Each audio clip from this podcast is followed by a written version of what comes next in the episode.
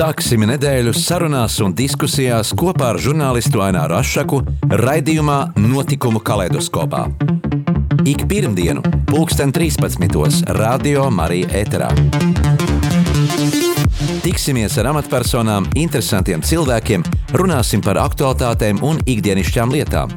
Gaidīsim arī klausītāju jautājumus Radio Marijas studijas viesiem. Ik pirmdienu, 2013. raidījumā Notikumu kaleidoskopā.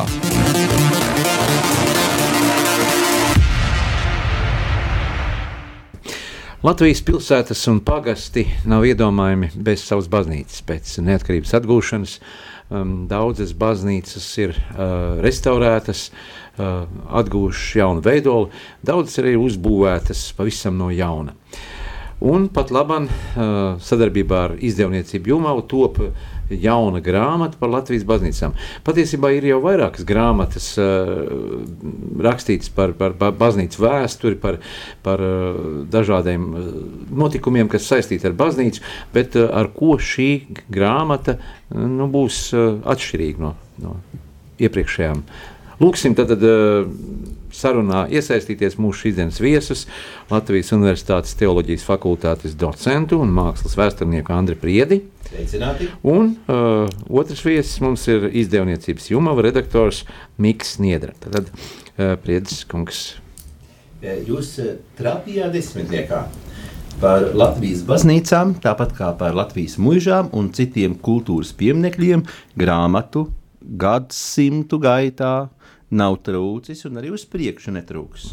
Un arī izdevniecība Jumava pavisam nesen uz Latvijas simtgadi sagādāja lasītājiem patīkamu velti eh, simts skaistākās Latvijas baznīcas. Eh, bet līdzšinējās grāmatas ir, kā jūs arī teicāt, koncentrējušās vai nu uz baznīcu kā kultūras pieminiektu, vai uz baznīcu kā konkrētās konfesijas vizītkarti.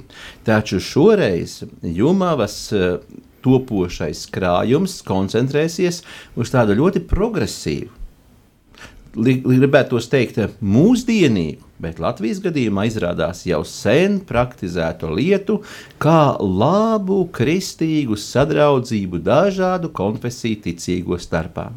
Un līdz ar to tātad, akcents būs nevis uz to, nu, cik jaunas baznīcas uzbūvētas, tur mēs varam runāt par cienījumā kardināla Pujāta ieguldījumu, vairāk nekā 20 baznīcas, ko viņš ir vidzemē sarūpējis, un tāpat tās ogres prāvests Konstantīns Bojārs, kuram tur vairāk kā viens rokas pirksts ir vajadzīgi, lai uzskaitītu, cik viņš ir paguvis uzbūvēt e, savā novadā, e, vai Latvijas luterāņi, kuri ir dziedinājuši e, pēc kara brūces un atjaunojuši sagrautos, gandrīz no drupām uzcēluši vienā otrā vietā.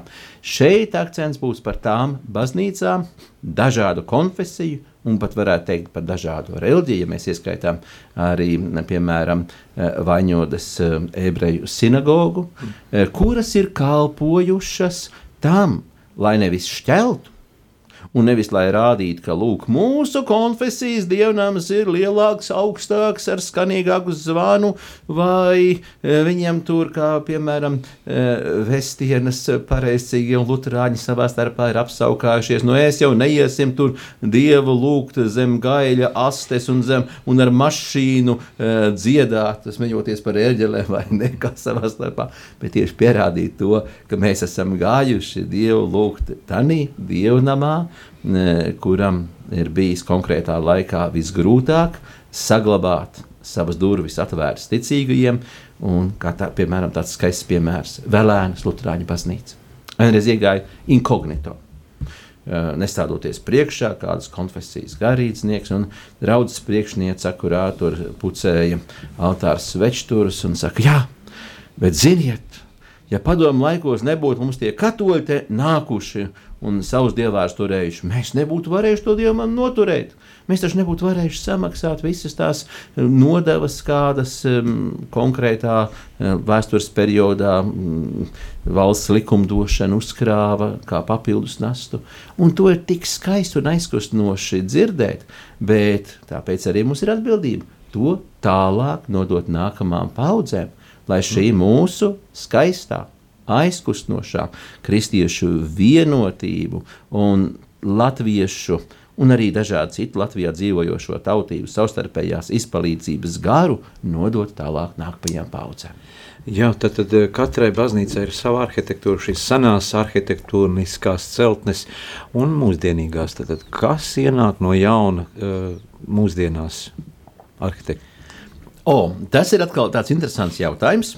Uh, un par to uh, visinteresantāk, te jau Mikls tagad ar tādu baltu aci skatās, kad es paslavēšu arī konkurējošo izdevniecību, piemēram, Neputns kuriem ir lieliski krājumi pār eh, tieši viņi tā raksta. Piemēram, vēsturiskajā Prēļu rajonā.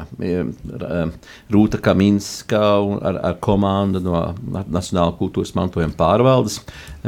Viņi izskata, izķidā pagastu pēc pagasta, ciemu pēc ciema, kas šajā konkrētajā Latvijas nostūrī Loturāņiem, pareizcīgiem, vestecībniekiem, katoļiem, brāļdraudzē tāds vērtīgākais un piemin arī Bet redziet, tas ir, jūs uzdevāt tādu aktuālu jautājumu. Mākslas zinātniekiem ir interesanti eh, novērot, kādas ir šīs jaunākās tendences sakrālajā arhitektūrā, bet turistiem un tādam plašam eh, interesantu lokam, nu, viņi liek akcentu tomēr, eh, kāds ir vēsturiskais vairāk. Ja plašākai sabiedrībai, ja organizē, piemēram, um, ekskursijas, pa Latvijas laukiem. Nu, vienmēr tur iekļauj baznīcas, bet rētu reizi dzird, ka kāds speciāli braukt skatīties nu, kādu no modernajām baznīcām, vai arī speciāli braukt skatīties un teikt, lūk, šitā gan nevajag būvēt.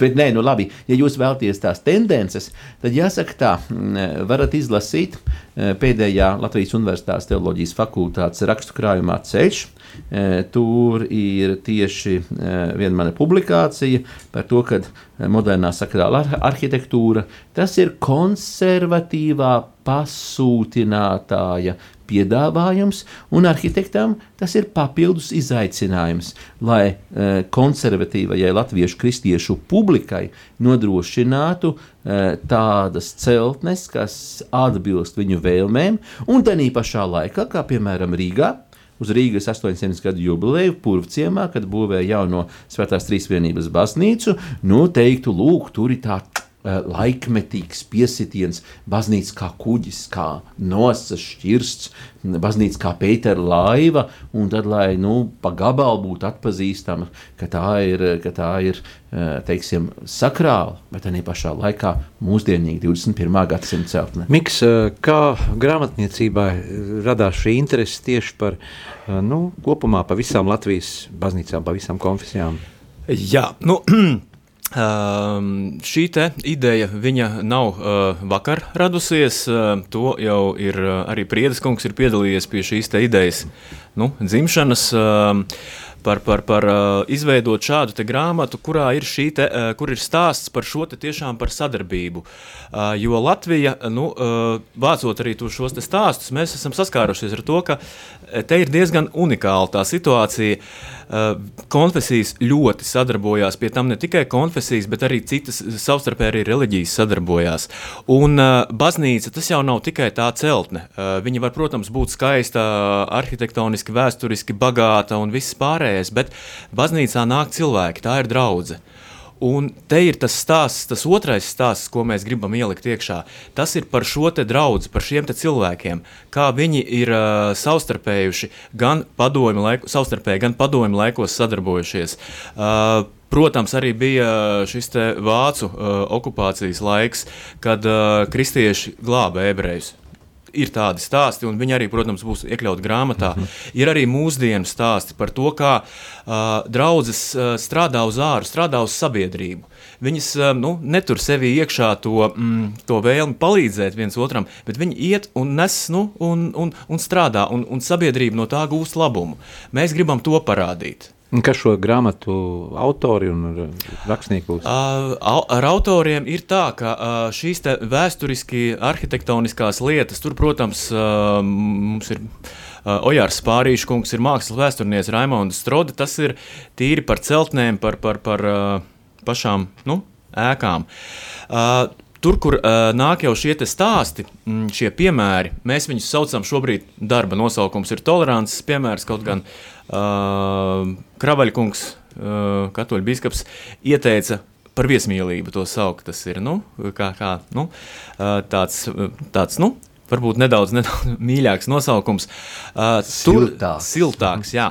tur mēs uzrunājam gan uh, pašu draugu vadītājus, gan varbūt viņi uh, iedod kādu draugu pārstāvi, kuram ir gan zināšanas, varbūt uh, ir pietiekoši ilgi dzīvojušs cilvēks, viņš ir redzējis daudz, un viņš var pastāstīt par to.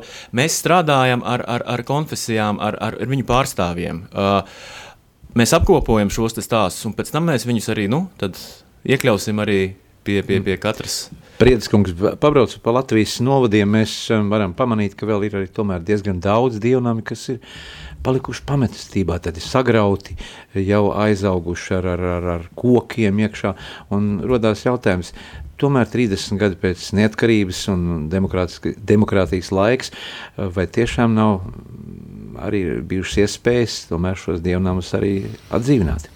Jā, tāds sāpīgs jautājums. E, nu, jāsaka tā, e, liela daļa no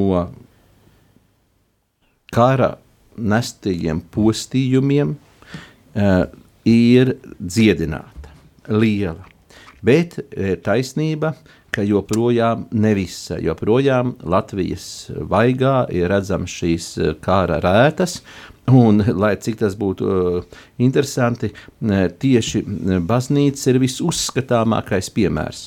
Rietumē Eiropā līdz nesenam laikam pastāvēja tendence mērķiecīgi atstāt kādu dievnamu, lai atgādinātu par kara šausmām. Un tieši kādu dievnamu, nevis kādu teātru vai privātu bāju, bet, piemēram, Dresdenē, slavenā Frauenkirche, ko 18. gadsimtā būvēja kā Dresdenes rotu, pēc tam, kad uh, Saksijas karaļa nams bija konvertējies no luterticības katoļticībā, uh, tāda savukārt um, valsts kārtas vēlējās nu, rādīt kā mums uh, ir iespējams uzbūvēt vēl krāšņāk nekā to Dresdenes Hofkirche, kas bija nu, speciāli galvu vajadzībām tieši blakus pilī būvētā jaunā tā teikt pilskatoja kapela un tapa uh, viens no visspožākajiem uh, vācu uh, baroka laikmeta dievnamiem, kas otrā pasaules kara uh, pēdējā cēlienā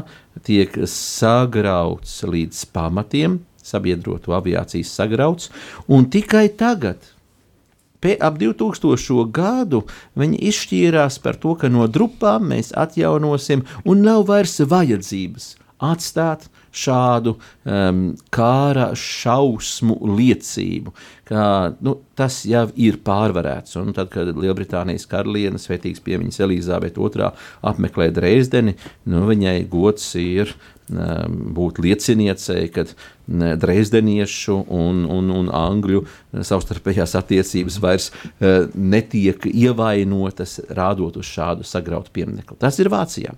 Mums Latvijā nevienam nav ienācis prātā, ka vajadzētu speciāli atstāt lai jaunā paudze neaizmirstu, kas ir karš un ko ir nodarījis ienaidnieks. Um, bet mums tas ir, diemžēl, materiālās rocības jautājums. Bieži vien tās tālās lauku draudzes ir demogrāfiski tik ļoti novājinātas, ka Nu, tā, tas ir vienas, divas uh, personas, labākajā gadījumā pāris ģimenes, kas ir entuziasti un kuri uzstāja, ka mums šo baznīcu vajag atkal atjaunot. Um, nu, ir teiksim, tāds uh, piemērs kā grieze. Padomju laikos tur bija Griezas baznīcas grupās kādreiz notika kaut kāds uh, kristiešu disidentu kultūras pasākums, un tad viņa kā tāds uh, simbols tiek atjaunot, bet praktiski tas ir um, pašā lejšmalē pie uh, Ventas krastiem. Nu, cilvēki tur uz pirkstiem skaitā. Daudz ir izbraukuši nu, ārpus Latvijas. Un uh, praktiski jau arī no pasaules kara laikiem mm. vēsturiski, vēsturiskās saimnieku ģimenes ir aizbēgušas, tukšajā saimnieku mājās ienāk lietuviešu kristieši, kas pārsvarā bija citas konfesijas.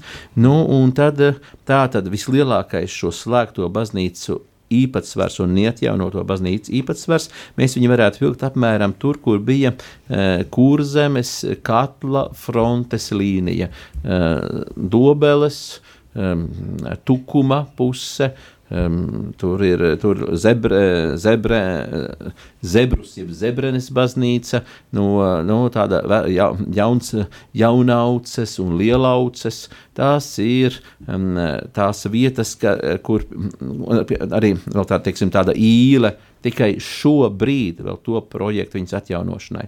Nu, un tad jāpiemina vēl vienu riskantu um, faktoru.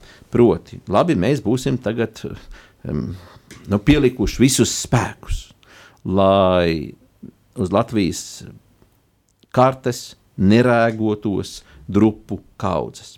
Nu, un tad, ko tālāk, uh, jo mums Latvijā tagad nāk viens pēc otra iekšā um, šis, uh, kra, šīs te, kravas ar inventāru no slēgtajām Rietumēropas baznīcām, kur viņi viņas slē, slēdz tā iemesla dēļ, ka vairs nav šo draugu apmeklētāju.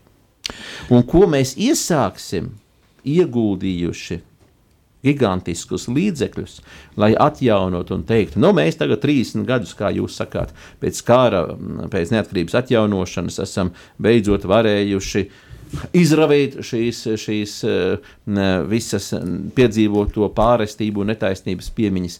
Nu, un pēc tam mēs aizbūt, aizsitīsim šo tikko iestikloto uh, logu ailes ar, ar dēļiem, jo nu, ir tādas vietas, piemēram, Lambārte starp uh, Ietsavu un Bruknu 90. gados. Tur daudze uh, atguva savu koku baznīciņu, padomju laikos izmantots par kultūras namu, uzsāka pirmos dievkalpojumus, nu un tagad tur nu, vējš svilpo cauri logiem. Nu, nav, nav entuziasms labs, sākums labs, bet pēc tam nu, ir tāds pašplūsmā, nu, ko mums iesākt, vai tiešām mēs jau esam tādā mm, Eiropas standartiem atbilstoši attīstības līmenī, kad mēs sakām, nu, paldies! Eh, baznīca mums vairāk nav vajadzīgs. Mums pilns piemērs ir Andrejs Mediņš, priesteris, kurš ir atjaunojis Brūknes mūžu, no jauna uzbūvējis baznīcu un um, arī iekopis šīs uh, tradīcijas, um, atjaunojis. Tas ir nu, cienījama lieta. Tas brīnišķīgi. Visu cieņu Andrejam Mediņam. Un tas, kāda pat labāk izskatās Kurmenes baznīca, kas bija nākošā, ko biskups Edvards Pavlovskis viņam uzticēja, nu, tā ir tāda, jāsaka, ļoti kolorīta vieta. Un pašlaik līdzīgs process notiek ar skaistkalni. Jā, Andrijam Mediņam izdodas piesaistīt gan finanses, gan arī svētceļniekus, kas brauc no Rīgas vai citām lielākām apdzīvotām vietām tieši uz dievkalpojumiem tajās baznīcās, kurās viņš kalpo. Bet man ir jautājums, vai tad, kad Andrejs Mediņš pārcels atjaunot kādu citu baznīcu, vai arī iecels, piemēram, par biskupu, lai viņš rūpējās par visu diecēzi, vai tanīs vietās, kurā viņš e, ir savu laiku ieguldījis, vai tur šis darbs tiks turpināts. Mums ir piemērs, kur viņš bija pastrādājis vai nu saldus vai e, tālsu pusē. Nu, tieši tālsu pusē ir arī pati pirmā baznīca, kas Latvijā ir tikusi nojaukta, un tie ir 90. gadu vidi. Tā, tā ir Cīruļa baznīca starp Dundagu un Talsiem, un tagad no šīs baznīcas ir palikuši pār tikai vārtu stabiņi, Un tā bija, tas ir kurjos, tā bija Staļina laikos uzbūvēta, kur mēs runājām par Staļina laika represijām, un tādā pašā laikā vēstures ironija, mēs varam uzskaitīt vairākas baznīcas, kas Staļina laikā ir tapušas. Un lūk, viena no šīm baznīcām, ar kurām mēs varētu lepoties, ka lūk, ticība ir bijusi stiprāka par bailēm no represijām, Mēs paši esam savām rokām viņu likuši nojaukt. Mika, cik eh, nu, tomēr izdevniecība eh, komerciāli skatās uz šādu grāmatu, vai tas tirgus būs nu, liels, pietiekoši liels? Um, mēs uh, ticam šai grāmatai, uh, tāpēc, ka nu, tā tēma ir uh, mūsuprāt gan interesanta, gan arī nu, cilvēkus uzrunājoša. Jo uh, Latvijā ir, ir, ir ļoti daudz cilvēku, kas uh, apmeklē draugus, kas iet uz draugiem, kas ir uh, gan kristieši, gan varbūt arī kādas citas ticības piedarīgie. Bet um, es gribēju nedaudz. Um, Nu, nē, nē, pie, pievērsties. Uh, Priedes kungs jau pieskārās kara tēmai. Viņš pieskārās otrā pasaules kara tēmai, kad tika sagrauts šīs baznīcas. Diemžēl šobrīd netālu no mums notiek vēl viens karš, tas ir uh, Ukraina. Un um, ir bijis arī uh, dievkalpojums ekumēniskais Rīgas domā, kur arī uh, piedalījās gan uh, katoļi, gan luterāņi, gan pareizticīgie, uh, vienojot cilvēkus. Uh, nu, lūdzot, lūdzot par, par, par to, lai Ukrainā šis karš tomēr uh, nu, beigtos un, un, un netiktu vairs ne nogalināt cilvēki, ne no, sagrautas mājas, ne viss pārējais. Arī, arī apgādes Jumava ir, ir uh, protams, uh, šajā, šajā frontes pusē, kas, protams, iestājas par Ukrajinu. Mēs esam izdevuši Ukraiņas vēsturi, kas ir rakstu apkopojums sākot no. no Praktiski no akmens laikmeta līdz pat, līdz pat mūsdienām, līdz pat Maidanam. Tur ir plašs autoru kolektīvs. Un, Tā ir grāmata, ko mēs nu, uzskatām par savu ieguldījumu šajā. Arī tulkot, tomēr. Uh, mēs domājam par to. Uh, pilnīgi iespējams, šobrīd mūsu uh, vadītājs brauks uz uh, Leipzigu uz grāmatu izstādi. Uh, iespējams, tiks uh, atrast kādi kontakti, ieinteresēti kādi Eiropas izdevēji. Jā, jo nu, tā, tā ir lieta, par ko ir jārunā, par ko ir jāstāsta. Un, uh, tas, kas notika Doma baznīcā, tas, protams, arī ir uh, nu, ļoti svarīgi, jo tas bija tāds. Nu, cilvēkus vienojošs moments, un tas, un, tas ir vajadzīgs. Turklāt jāpiebilst, ka eh, šī gadījumā Latvijas lielais bonus ir, ka dalību ņēma arī tieši ne tikai nu, teiksim, rietumu konfesijas, bet arī Latvijas pareizcīgo baznīcu, kas juridiski joprojām ir Maskavas patriarchāta pusē. Un jā, vienalga jā. lūkšanu par mieru ir pirmais sauciens, ko kristieši gadsimtu un gadu tūkstošu gaitā ir mācījušies aktualizēt. Un tieši tāpat tās pāvests Francisks norāda uz visiem pārējiem, bieži vien aizmirstiem vai mērķiecīgi noklusētiem konfliktiem. Mums, piemēram, acu priekšā ir situācija uz Armēnijas un Azerbaidžānas robežas, kur nu, armēņi no savas puses, piemēram, eh, raudzījās mērķiecīgi neizpostīt eh, Kalnu Karabahas musulmaņu mošejas.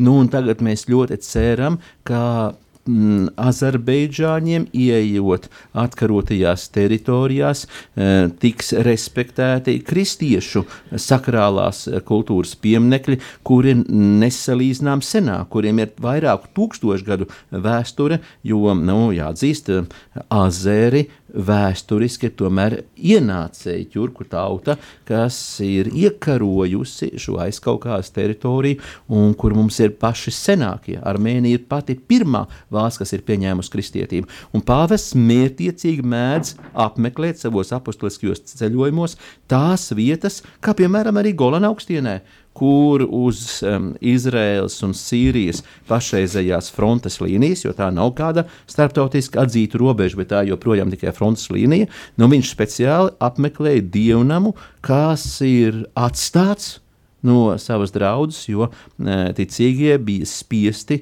bēgt no teritorijas, e, kas šobrīd ir mīnēta un kur nav, nav iespējams e, normāli atgriezties uz ikdienas dievkalpojumiem. Un pāvestam Un tas ir vēl mm, nevis Francisks, bet Jānis Pāvils II.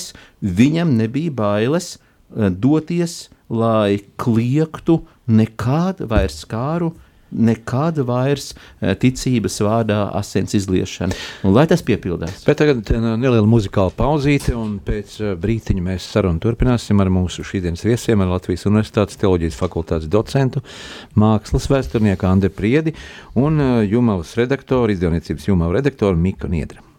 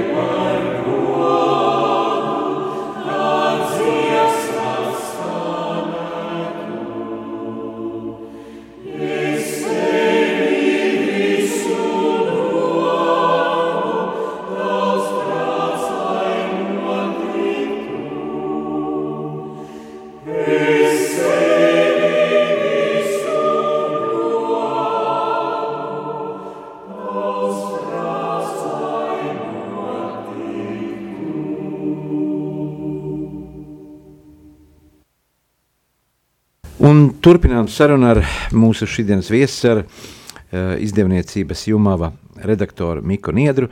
Tātad par uh, grāmatu, kas pat labam top par Latvijas baznīcām. Tātad, kas uh, būs šajā grāmatā? Pamatā tur būs par baznīcas arhitektūru vai par aprīkojumu, ērģelēm un, un, un dažādām teiksim, stila lietām. Um grāmata tiek veidota kā um, sastāvoša no divām daļām. Viena ir šī te, uh, daļa par uh, pašām baznīcu celtnēm, uh, arhitektoniski, vēsturiski, arī, kā jūs pieminējāt, ja nu ērģeles vai arī kādas svētbildes vai, vai kāds mākslinieks pazīstams ir, ir vai zināms ir uh, piedalījies baznīcas iekārtošanā. Un otra daļa ir tas, uh, tas, uz ko mēs esam uzlikuši lielāko uzsvaru tīri kā izdevniecība. Uh, tas ir šie te stāsti par šo te sadarbību, gan uh, starp draudzēm dažādu konfesiju, gan arī sadarbība ārā uz sabiedrību. Un šeit ir, ir, ir ļoti interesanti tas, ka, mm, ja mēs sākam runāt ar, ar draugu pārstāvjiem, tad no sākuma izstāstot šo ideju, viņiem, protams, viņiem uh, rodās interese, Bet pēc tam jau aiziet jau nedaudz vairāk, viņi jau paši sāk piedāvāt arī kaut kādus stāstus, un, un, un tas ir ļoti labi, jo stāstu vajag daudz, jo grāmata būs diezgan bieza, jo Latvijā ir ļoti daudz, daudz dievnam, ko ir vērts pieminēt, un līdz ar to šie stāsti, mēs esam ieplānojuši, ka viņi būs uh, pie pakārtoti katrai, nu, ja nesanāks katrai baznīcai, tad, nu, vismaz pa konfesijām mēs viņus saliksim. Var teikt, ka katrs brīdis, ko mēs dzīvojam šodien, tas jau rīt kļūt, kļūst par vēsturi, un par šo Tieši vēsturi tā. vairāk ir jārunā, jāstāsta jaunai paaudzei, un es domāju, ka uh, auditorija būs gan šie seniori, gan arī, protams, ka uh, jaunatni, kas uh, ir ieinteresēti ar tomēr iepazīt vairāk mm. savu senču, uh, veikumu un, un šo ticību un reliģisko mm, piedarību iepazīt vairāk. Jā, jo ir eh, ļoti, nu, tādi arī pat, eh, nu, Tas ir atkal, protams, atgriežoties uh, pie otrā pasaules kara, uh, pie, pie, pie ebrejiem, ir ļoti tādi stāsti, kad uh, kristieši tiešām glāba ebrejus, uh, pieņemot viņus savās draudzēs un uzdodot viņus par kristiešiem un vāciešiem, uzrādot šos te draudzes papīrus un sakot, nu, tie ir mūsu cilvēki. Bet viņi jau pēc būtības arī tādi ir mūsu cilvēki. Visi, kas dzīvo Latvijā, tie ir mūsu cilvēki. Jā, jā, pieminam par Ukraiņiem. Tiešām vairāk desmit tūkstoši šobrīd ir Ukraiņu, un vai nu, šajos dievkalpojumos spēja uzņemt viņus, jo viņi arī nu, ticīgi cilvēki, viņiem arī ir savs uh, nepieciešamība nāk, atnākt uz dievnamu. Nu, noteikti, noteikti, ka nu, liela daļa no viņiem ir ticīgi un, un, un protams, ka vēlas arī apmeklēt dievnamus. Uh, man nav, protams, mhm. nekādas tādas statistikas, jo nu, es, nu, tas varbūt būtu jājautā tieslietu ministrijas um, speciālistiem. speciālistiem, kas veic varbūt šādus mērījumus vai pētījumus ja? bet, nu, Cik es zinu, cik es zinu, draudzes vienmēr ir atvērtas, baznīcas durvis vienmēr ir vaļā. Tā kā cilvēki vienmēr var nākt. Jā, runājot par jūsu izdevniecību, tad cik jau gadus jau izdevniecība jumā darbojas un um, varbūt šajā lielajā grāmatu uh, nu, piedāvājumā, kas, kas ir šīs vēsturiskās grāmatas vairāk vai izklaides grāmatas Jā. vai grāmatas bērniem? Jā, um, izdevniecība jumā darbojas jau vairāk nekā 30 gadus. Uh, Uh, izdodamo grāmatu spektrs ir ļoti plašs. Mēs uh, izdodam gan uh, daļliteratūru, gan uh, bērnu grāmatas, gan uh, izglītojošo literatūru, gan tulkojumus. Uh, nu, jebkurā gadījumā praktiski mēs nosacām visu uh, grāmatniecības spektru. Uh, uh, katrā um, nu, laika posmā parādās kāds nu, izcils darbs. Jā, kas... bet kā šie, top šī jā. grāmata? Varbūt jā. uh, mūsu klausītājiem rodas jautājums, nu kā tad top grāmata? Tad vispirms ir šī ideja izdomāta, kā tas viss notiks, uh, formāts, Uh, tad nu, cilvēks, kas rakstnieks to visu uzraksta, uzraksta uz papīra, pēc tam strādā kas? Redaktors, korektors? Ir redaktors, ja nepieciešams, ir korektor, korektors, ir, protams, jo nu, uh, Lai arī kā, lai arī cik labi cilvēks rakstīts, protams, vienmēr pastāv cilvēciskās kļūdas faktors. Šīs mazās kļūdiņas vienmēr ir jāsalasa un no viņām ir jāmēģina izvairīties, jo nu, lasītājam ir jādod uh, lasīt teksts, kas ir tīrs no kļūdām. Protams, uh, vēl ir. Uh, nu, Ja tas ir par daļliteratūru runājot, tad ir autors, redaktors, korektors. Uh, tas ir tie, kas strādā ar tekstu. Bet uh, ne uh, mazsvarīga persona ir arī mākslinieks. Reizēm autors nāk pats ar savu ideju, kā viņš to redz. Biežāk ar to nodarbojas mūsu, mūsu izdevniecības mākslinieki, kas izdomā šos te, uh, vāku noformējumus un, un, un iespējams reizēm arī, arī fotogrāfs. Arī fotogrāfs, mm. ja, ja ir nepieciešamība tāda. Uh, fotogrāfi vairāk uh, strādā nu, darbos, kas ir, um, kā mūsu izdevniecības vadītājs viņus uh, mēdz saukt, uh, nu, populāri zinātniskos. Mm, tas nozīmē, ka tas ir uh, darbs, kurā ir uh, piesaistīti pietiekoši kompetenti autori, bet šis darbs ir paredzēts plašam lasītāju lokam, ne tikai šaurām akadēmiskām aprindām. Ko nozīmē plašs klausītāju lokus? Agrāk, uh, atceros, bija tirāžas, bija 40, 50 tūkstoši, pat līdz 100 tūkstošiem bija dzējas, piemēram, Imanta Ziedoņa dzēja un Jā. dažādi daļdarbi, Annas Saksas darbi bija, Andreja Upīša darbi tajā laikā. Nu, šobrīd kāda ir tā tirāža, ar kuru mēs varam teikt, jā, tā ir laba tirāža? Mm, tā, nu... Um, teiksim tā, nu, katras grāmatas tirāža zināmā mērā ir tāds neliels komerces noslēpums, jo mm -hmm. tas tomēr ir izdevniecības bizness un, un, un, un nu, mēs, nu, mēs nestāstam pa labi un pa kreisi. Mēs, protams, varam redzēt pēc grāmatu pārdotajiem topiem, piemēram, Jāņa Rozes grāmatnīcā, kura grāmata ir augšā, tas nozīmē, ka viņai ir lielāka tirāža, kura tur nav, tātad tas nozīmē, ka. Vairs viņi... tas netiek ierakstīts arī, cik ir tirāža. Uh, vairs netiek ierakstīts. Vairs netiek ierakstīts, jo, nu, uh, Agrāk padomju laikā tā bija nu, plānveida ekonomika. Tika izplānots, ka šai grāmatai ir 40,000 tirāža, viņa tika nodrukāta.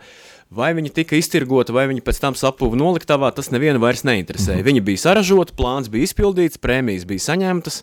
Šobrīd ir nedaudz savādāk, šobrīd ir tirgus ekonomika, ir uh, grāmatai ir, ir pirmā tirāža, un ja viņa tiek izpirkta, tad tiek piedrukātas viena, divas, trīs nākamās tirāžas.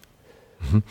Um, jā, un tad, tad uh, kā tad uh, rodās šī ideja, un vai jebkurš cilvēks var teikt, jā, es arī gribu kaut ko izdot, izdevniecībā es nāku ar savu piedāvāto materiālu, vai tas ir dzejas formātā, vai tas ir mm, prozas formātā, uh, vai arī tā šodien notiek? Jā, protams, protams tā notiek. Uh, praktiski jebkuram cilvēkam, ja viņš ir sevī mm, atradis iedvesmu uh, un, un, un ir um, radījis darbu, uh, vai tas būtu prozas darbs, vai dzēja, vai, vai kāds pētījums par, par, par dzimtas vēsturi, arī šādas grāmatas mēs izdodam, vai tas būtu pētījums par savu novadu. Viņš var vērsties pie mums, atsūtīt šo te manuskriptu izvērtēšanai, un tad mēs Paskatīsimies. Grāmatām, ja runājam par grāmatām, tad uh, mūsdienās, teiksim, uh, aizejot uh, mūsu senčiem mūžībā, uh, veciem cilvēkiem daudz paliek grāmatas mantojumā no, no, no padomju laikiem, vēl no citiem laikiem, un tad šī grāmata faktiski um, it kā beidz savu dzīvi. Un tomēr tā ir grāmata, tā, tur ir ieguldīts darbs, uh, Uh, tas ir materiāls, tā ir par vēsturi, tas ir stāsts par kaut ko. Un, uh, bieži vien ir tā, ka cilvēki saka, mēs nezinām, kur tās grāmatas likt. Un tad tās grāmatas daudz kārt arī tiek uh, faktiski izmestas atkrituma kastēs. Jā. Arī diemžēl. Jā, nu, tas ir tāds mans viedoklis, bet nu, ar uh, šāda veida grāmatām nu, var mēģināt viņām uzdāvināt otru dzīvi. Uh, ir uh, ir labdarības organizācijas, kas sadarbojās uh, gan ar patversmēm, uh, gan arī ar cietumiem, kur arī atrodas bibliotēkas. Jā. jā, cietuma bibliotēkas. Es nezinu, vai patversmēs ir bibliotēkas, bet nu, arī, arī, arī šiem te nu, cilvēkiem, kuriem, jā, jā, pansionāti, jā, kuriem, kuriem dzīvē nav tik labi paveicies kā, kā mums, jā, mēs ar viņiem varam dalīties. Tas ir tas, ko, ko mēs varam izdarīt praktiski nu, neieguldot nekādas sevišķas lielās pūles. Jo šobrīd Latvijā grāmatniecība, nu, varētu teikt, eh, manuprāt, iet grāmatveiklā, mēs redzam tik daudz krāsainas grāmatas un tik daudz dažādu autoru, gan tulkotus darbus, gan arī uh, tu nevar izvēlēties, ko, ko, ko pirkt un ko, ko lasīt. Jā, nu, protams, um, ja jūs esat apmeklējis grāmatu veikals, tad jūs zinat, ka parasti grāmatai ir uh, priekšvāks un ir aizmugurējais, tā saucamais ceturtais vāks uz kura uh, tad vai nu ir kaut kāda atsauksme par šo grāmatu, Anotācija. vai kaut kāds uh, kopsavilkums, jā, anotācija. Protams, šobrīd, nu, interneta laikmetā arī var painteresēties, uh, iesist šīs grāmatas nosaukumu internetā. Varbūt kāds viņu ir izlasījis un apskatījis kaut vai savā Facebook profilā. Es pats esmu pierakstījies vairākos, vairākās Facebook grupās, kur tiek uh, apskatītas grāmatas. Tas ir ļoti interesanti, jo reizēm patiešām nu, nav laika visu izlasīt, un tu nezini, kurš, kas, kurš darbs ir labs, kurš nē, tad var palasīt cilvēku atsauksmes, kas ir lasījuši, un tad izlemt. Nu, kādi ir šie topa grāmatu veidi? Top. Uh, ir ļoti grūti pateikt. Uh, tas ir tāpat kā ar, ar, ar, ar nu, ir grūti pateikt, uh, ja mēs salīdzinām to ar mūziku, kura dziesma būs topā un kura nebūs. Tāpat ir ar grāmatām. Uh,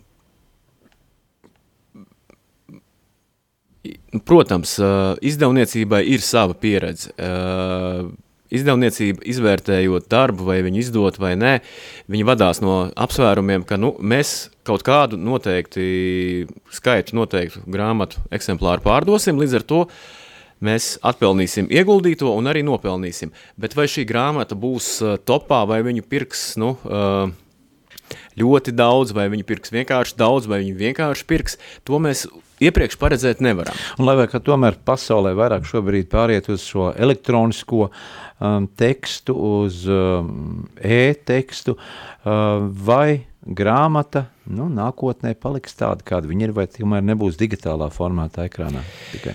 Jā, e-grāmata, tā saucamā, tas, protams, ir arī mūsu izdevniecībai pazīstams formāts. Mēs arī publicējam šādā veidā, bet nu, šeit es gribētu tomēr nu, salīdzināt to ar, ar, ar, ar nu, nu, vai es paņemu rokā glāzi ar bērnu sulu, un es jūtu, kāda tā glāze ir, cik viņa ir smaga. Es varu paostīt šo te, uh, pašu sulu, pasmaržot, vai es redzu viņas attēlu digitāli nofotografētu. Uh, grāmata arī uh, ieguļoties rokā, nu, viņai ir faktūra, papīram ir faktūra, viņai ir smarža. Uh, nu, tas, tas ir pavisam kas cits, tas ir cits informācijas nesējs nekā digitālais. Varbūt tagad Mika varētu pastāstīt arī par sevi nedaudz mūsu klausītājiem, kā nonāca pie atziņas, ka mm, nu, interesē pašam darbs uh, grāmatniecībā mm -hmm. strādāt. Jā.